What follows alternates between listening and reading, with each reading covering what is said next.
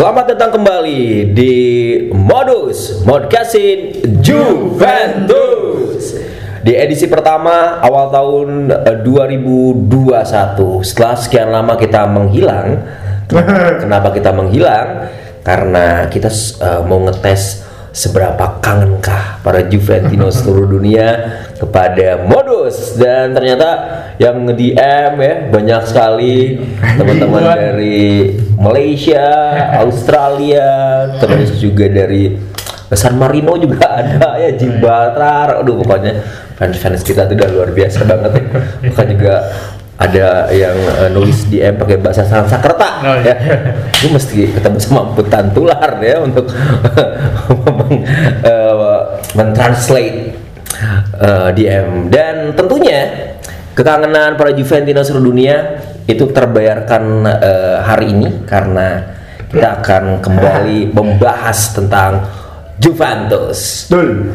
Dan seperti kita ketahui Juventus seperti bosan untuk juara ya akhir-akhir ini bosan. baik dari eh, permainan terus juga dari hasil permainan itu yang paling penting ya hasil permainan hasil pertandingan dan masih banyak faktor yang lainnya dan kita review dulu sebelum kita ngebahas tentang hasil permainan eh, hasil pertandingan yang eh, tadi malam eh, sudah selesai dilaksanakan Juventus melawan Udinese. Ada beberapa hasil buruk yang menimpa Juventus akhir-akhir ini. Seperti yang terbaru sebelum kita jeda kompetisi karena Natal itu dikalahkan kandang sendiri oleh musuh tradisionalnya yaitu Fiorentina dengan skor telak 0-3. Betul. Dan sebelum itu, sebelum itu Juventus di, di kandang ditahan oleh Atalanta dengan skor 1-1. Dan prestasinya ya lebih banyak menang di kandang ya. Lawan Barcelona menang 3-0, lawan Genoa menang eh, 1-3 dan lawan Parma menang 0-4. Magis eh, dari Allianz Stadium ini masih sosok lah ya, masih biasa-biasa aja lah. Yang terbaru ya itu tadi dikalahkan dengan skor 0-3 oleh Fiorentina. Walaupun Juventus bermain dengan 10 pemain. Ya 10 pemain yang di kartu merah itu eh, Cuadrado di menit 18 tapi itu bukan jadi alasan. Karena Juventus adalah Juventus. Ya, walaupun kalah nggak nyampe 0-3 lah ya. Kalaupun misalnya kalah ya tipis-tipis 1-0 ya yang ya meskipun alibinya sebenarnya gue kurang suka dengan alibi-alibi yang walaupun wasit salah gitu tapi ini kan harusnya dapat penalti gitu Oh, ini iya. kan harusnya bahkan juga akun-akun besar ke Juventus Juventusan di luar negeri juga ngebahas Terlalu, terlalu banyak komplain. ini dapat penalti harusnya terus juga dibandingkan dengan hasil dari tim lain yang di sliding dapat penalti Juventus enggak bahkan juga gue bisa nge- nge-capture ada salah satu account ke Juventus Juventusan besar di dunia ini yang bikin dia bikin sweater dan untuk dijual kalau nggak salah Juventus versus every- everybody gitu. Karena Oh, iya, iya, iya. bener kan ya? karena memang saking Juventus dirugikan. Iya. saat tadi oleh oleh VAR yang yang seperti standar ganda dan lain sebagainya. Tapi itu bukan alasan ya. Kalaupun misalnya Juventus di- dikalahkan dari rugikan VAR dua kali harusnya kita bisa mencetak gol tiga kali dong. Nah itu harusnya. Iya. oke Em, berbanding terbalik dengan di hasil Liga Champion di, di hasil Liga Champion Juventus boleh dibilang mulus lah ya. Mulus sih. mulus. Ke maju ke stage berikutnya bahkan juga di yang terakhir itu mengalahkan Barcelona dengan skor 0-3 Juara grup. juara grup. Terus- dan nanti melawan Porto lah. Porto juga ngeri-ngeri sedap sebetulnya. Karena ya Porto tetaplah Porto ya.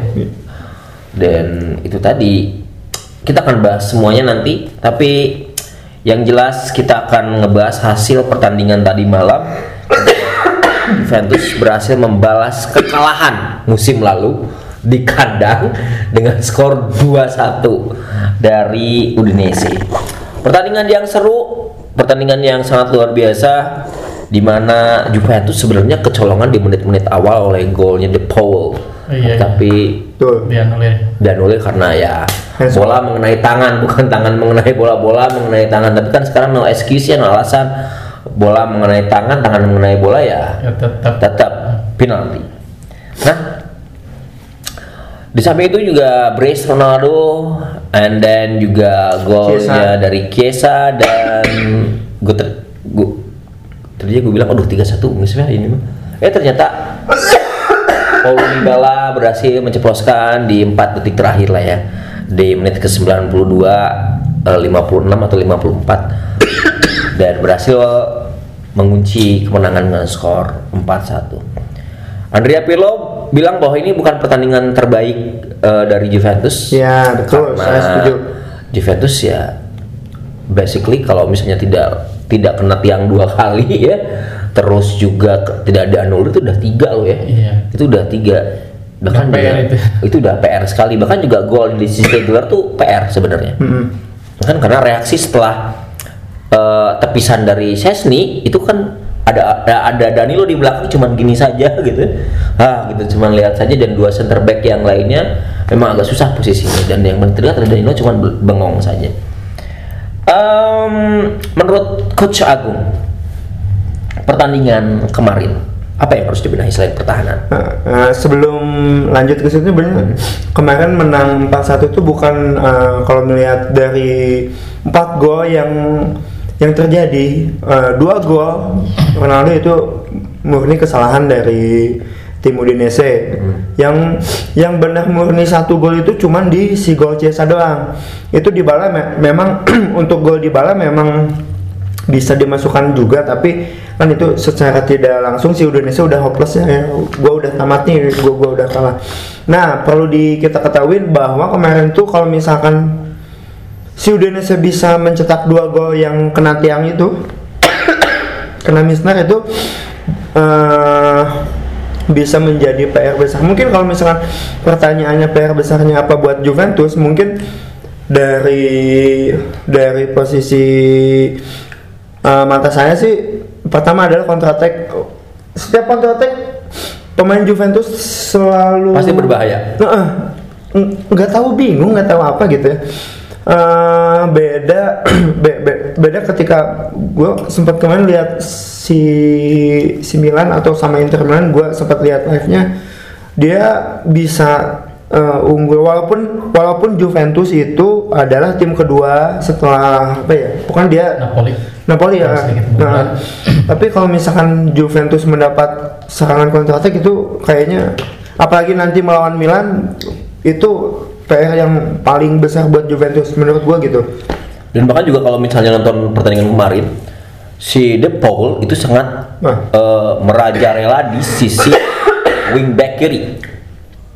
Ya, itu. di, di wing, wingback kiri bahkan juga nge-crossnya beberapa kali. Bahkan juga pemain pengganti nomor 16 kalau tidak, tidak salah dari Udinese juga sangat leluasa sekali mengacak-acak sisi kiri dari pertahanan Juventus. Hmm. Padahal di sana kan eh, harusnya dengan ada Alexandro, Alexandro, Alexandro dan juga ada beberapa pemain yang lain yang menurut Abang bisa menutup sisi kiri itu tidak semudah itu diacak-acak. Bahkan ini yang mungkin yang harus dibenahi.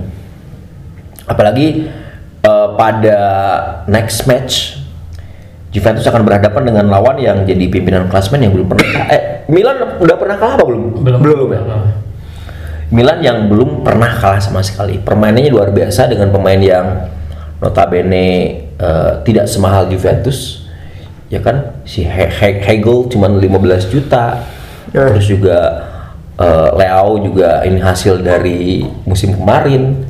Ya. Rabiot juga semakin berkembang karena musim kemarin juga bermainnya juga semakin bagus. Ibra ya tetap Ibra gitu.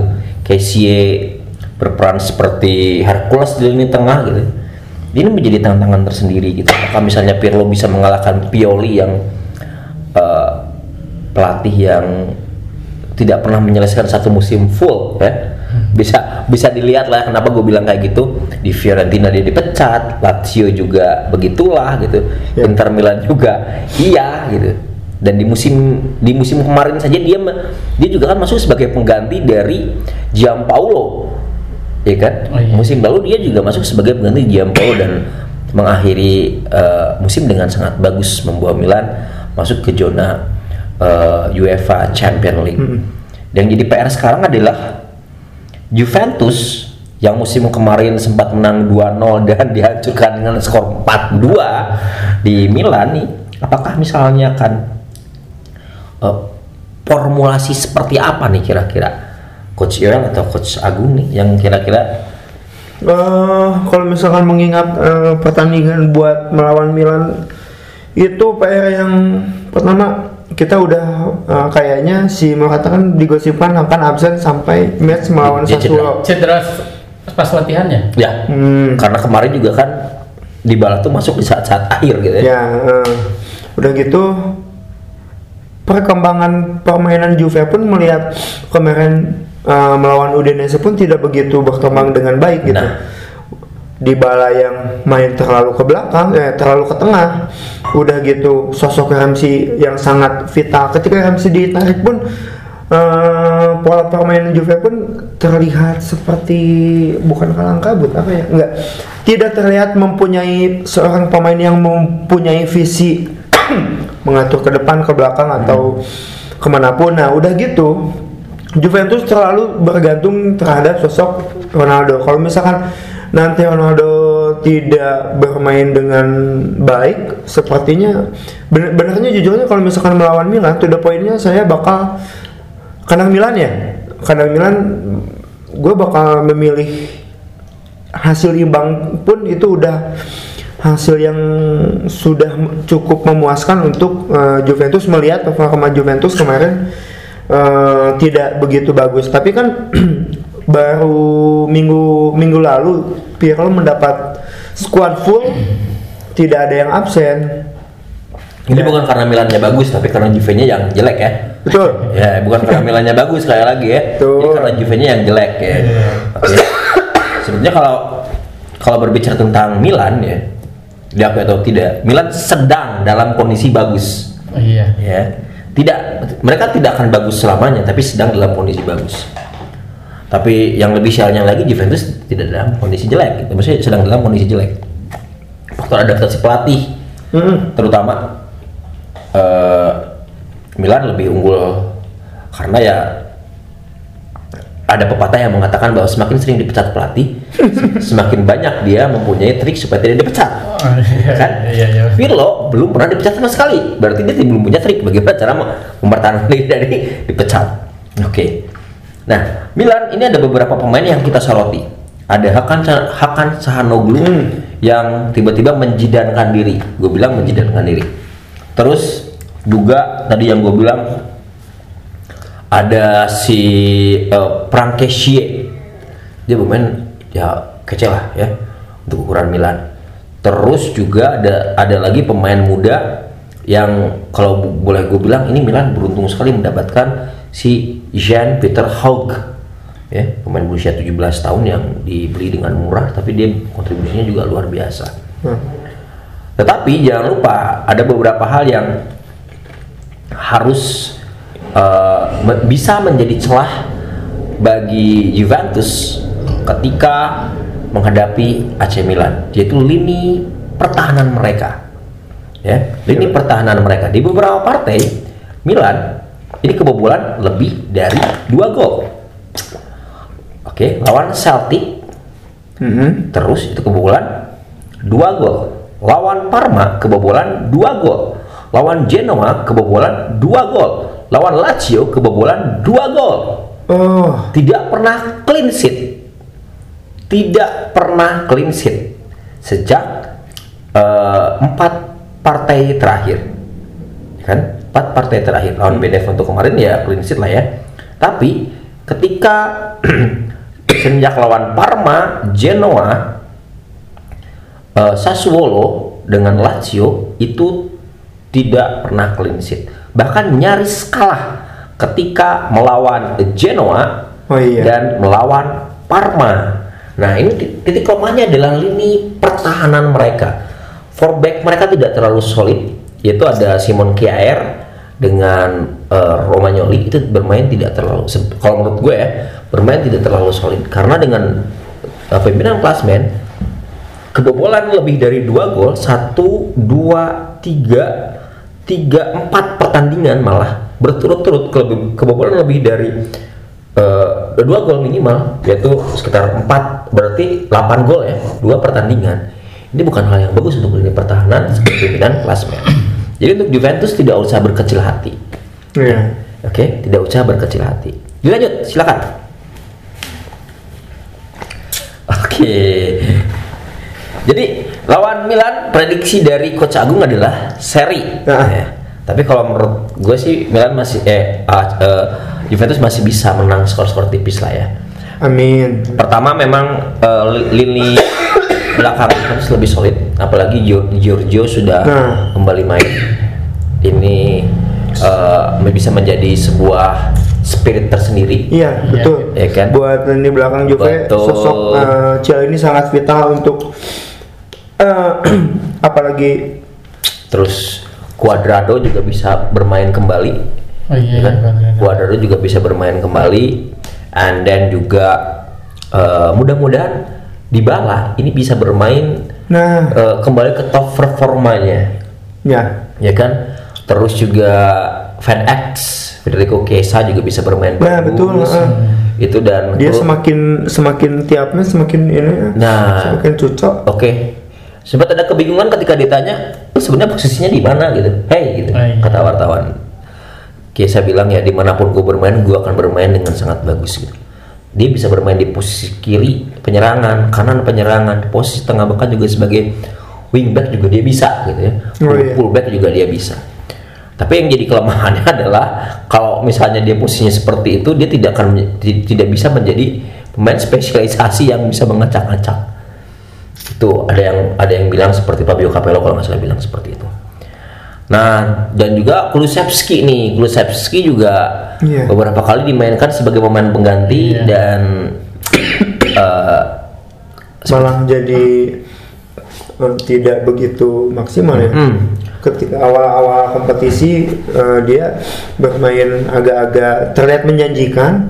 namun sempat cedera ya oh iya Sempat cedera terus ya karena. Van Dijk masuk jadi ya agak tapi kalau kayaknya seru deh kalau misalnya ya Ronaldo disimpan di tengah lalu dua pemain ini ini yang uh Ya, gitu, tiga tiga pemain kualitas dari lini pertahanan Milan kalau menurut gue ya tidak bagus, bagusnya gitu. tidak sebagus menghadapi pemain cepat itu eh, kewalahan. Terbukti lawan Lazio juga kan dia menghadapi pemain cepat dari si Immobile dan pemain-pemain yang lain juga kelabakan. Kalau misalkan dibandingkan dengan Dybala, dua pemain tadi ada Kulusevski dan Chiesa.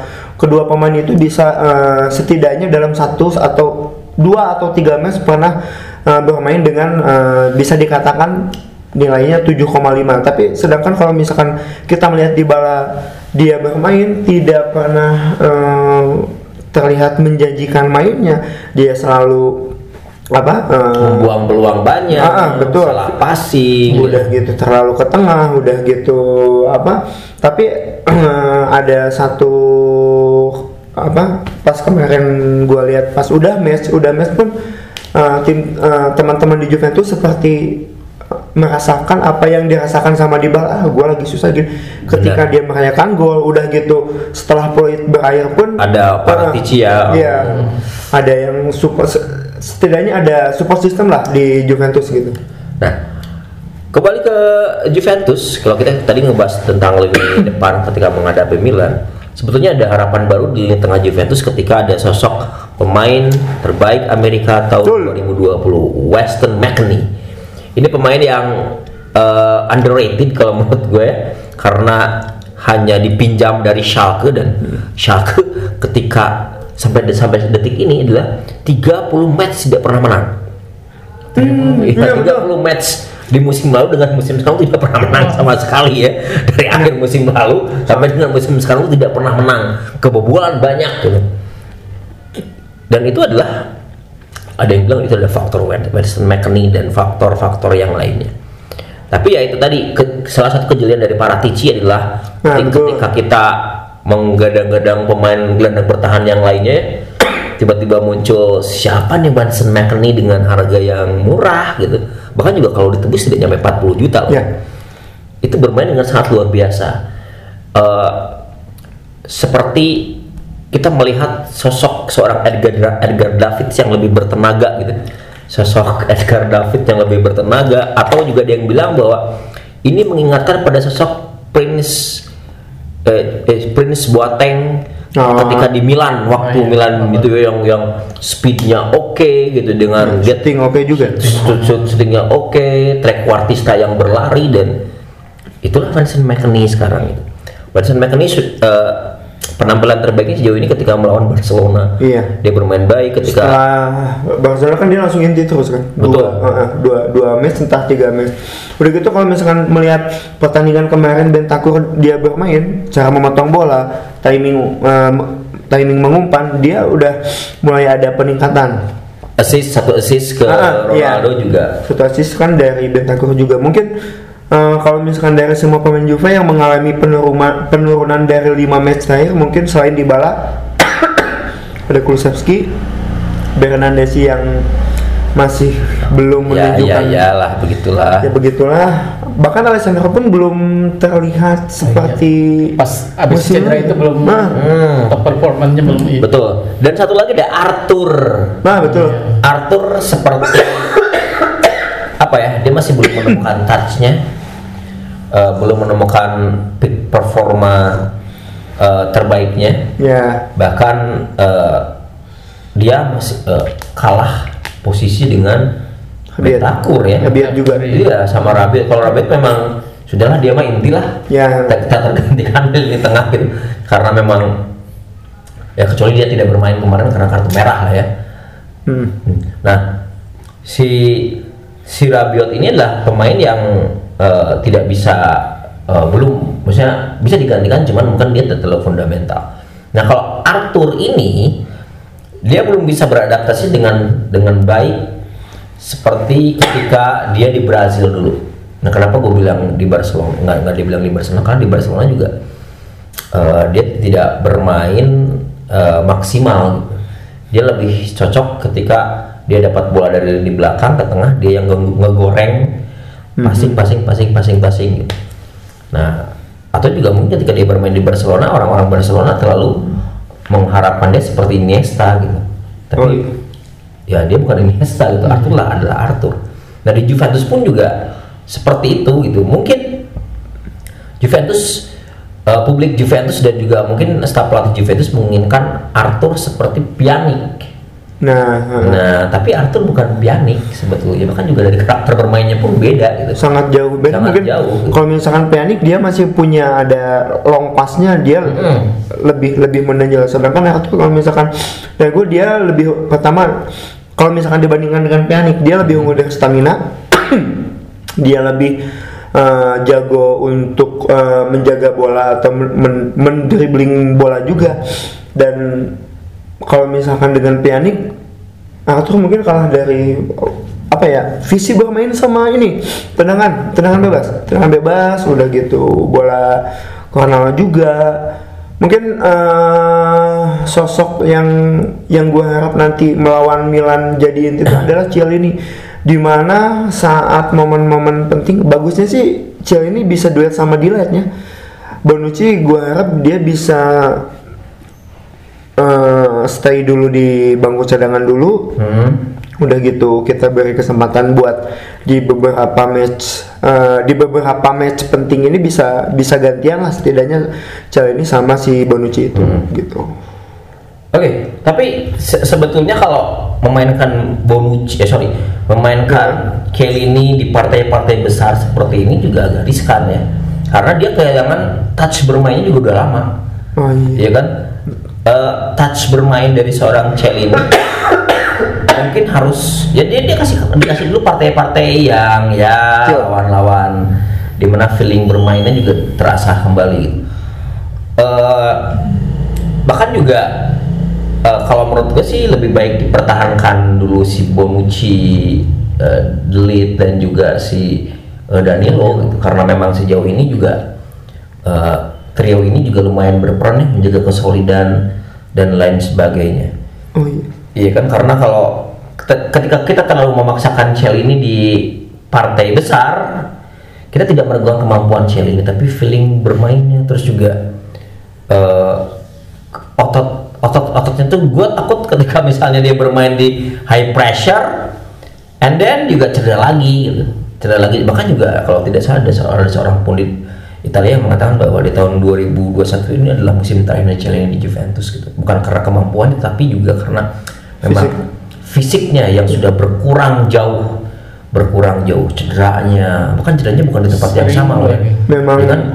di tempat setelah betis lutut paha gitu.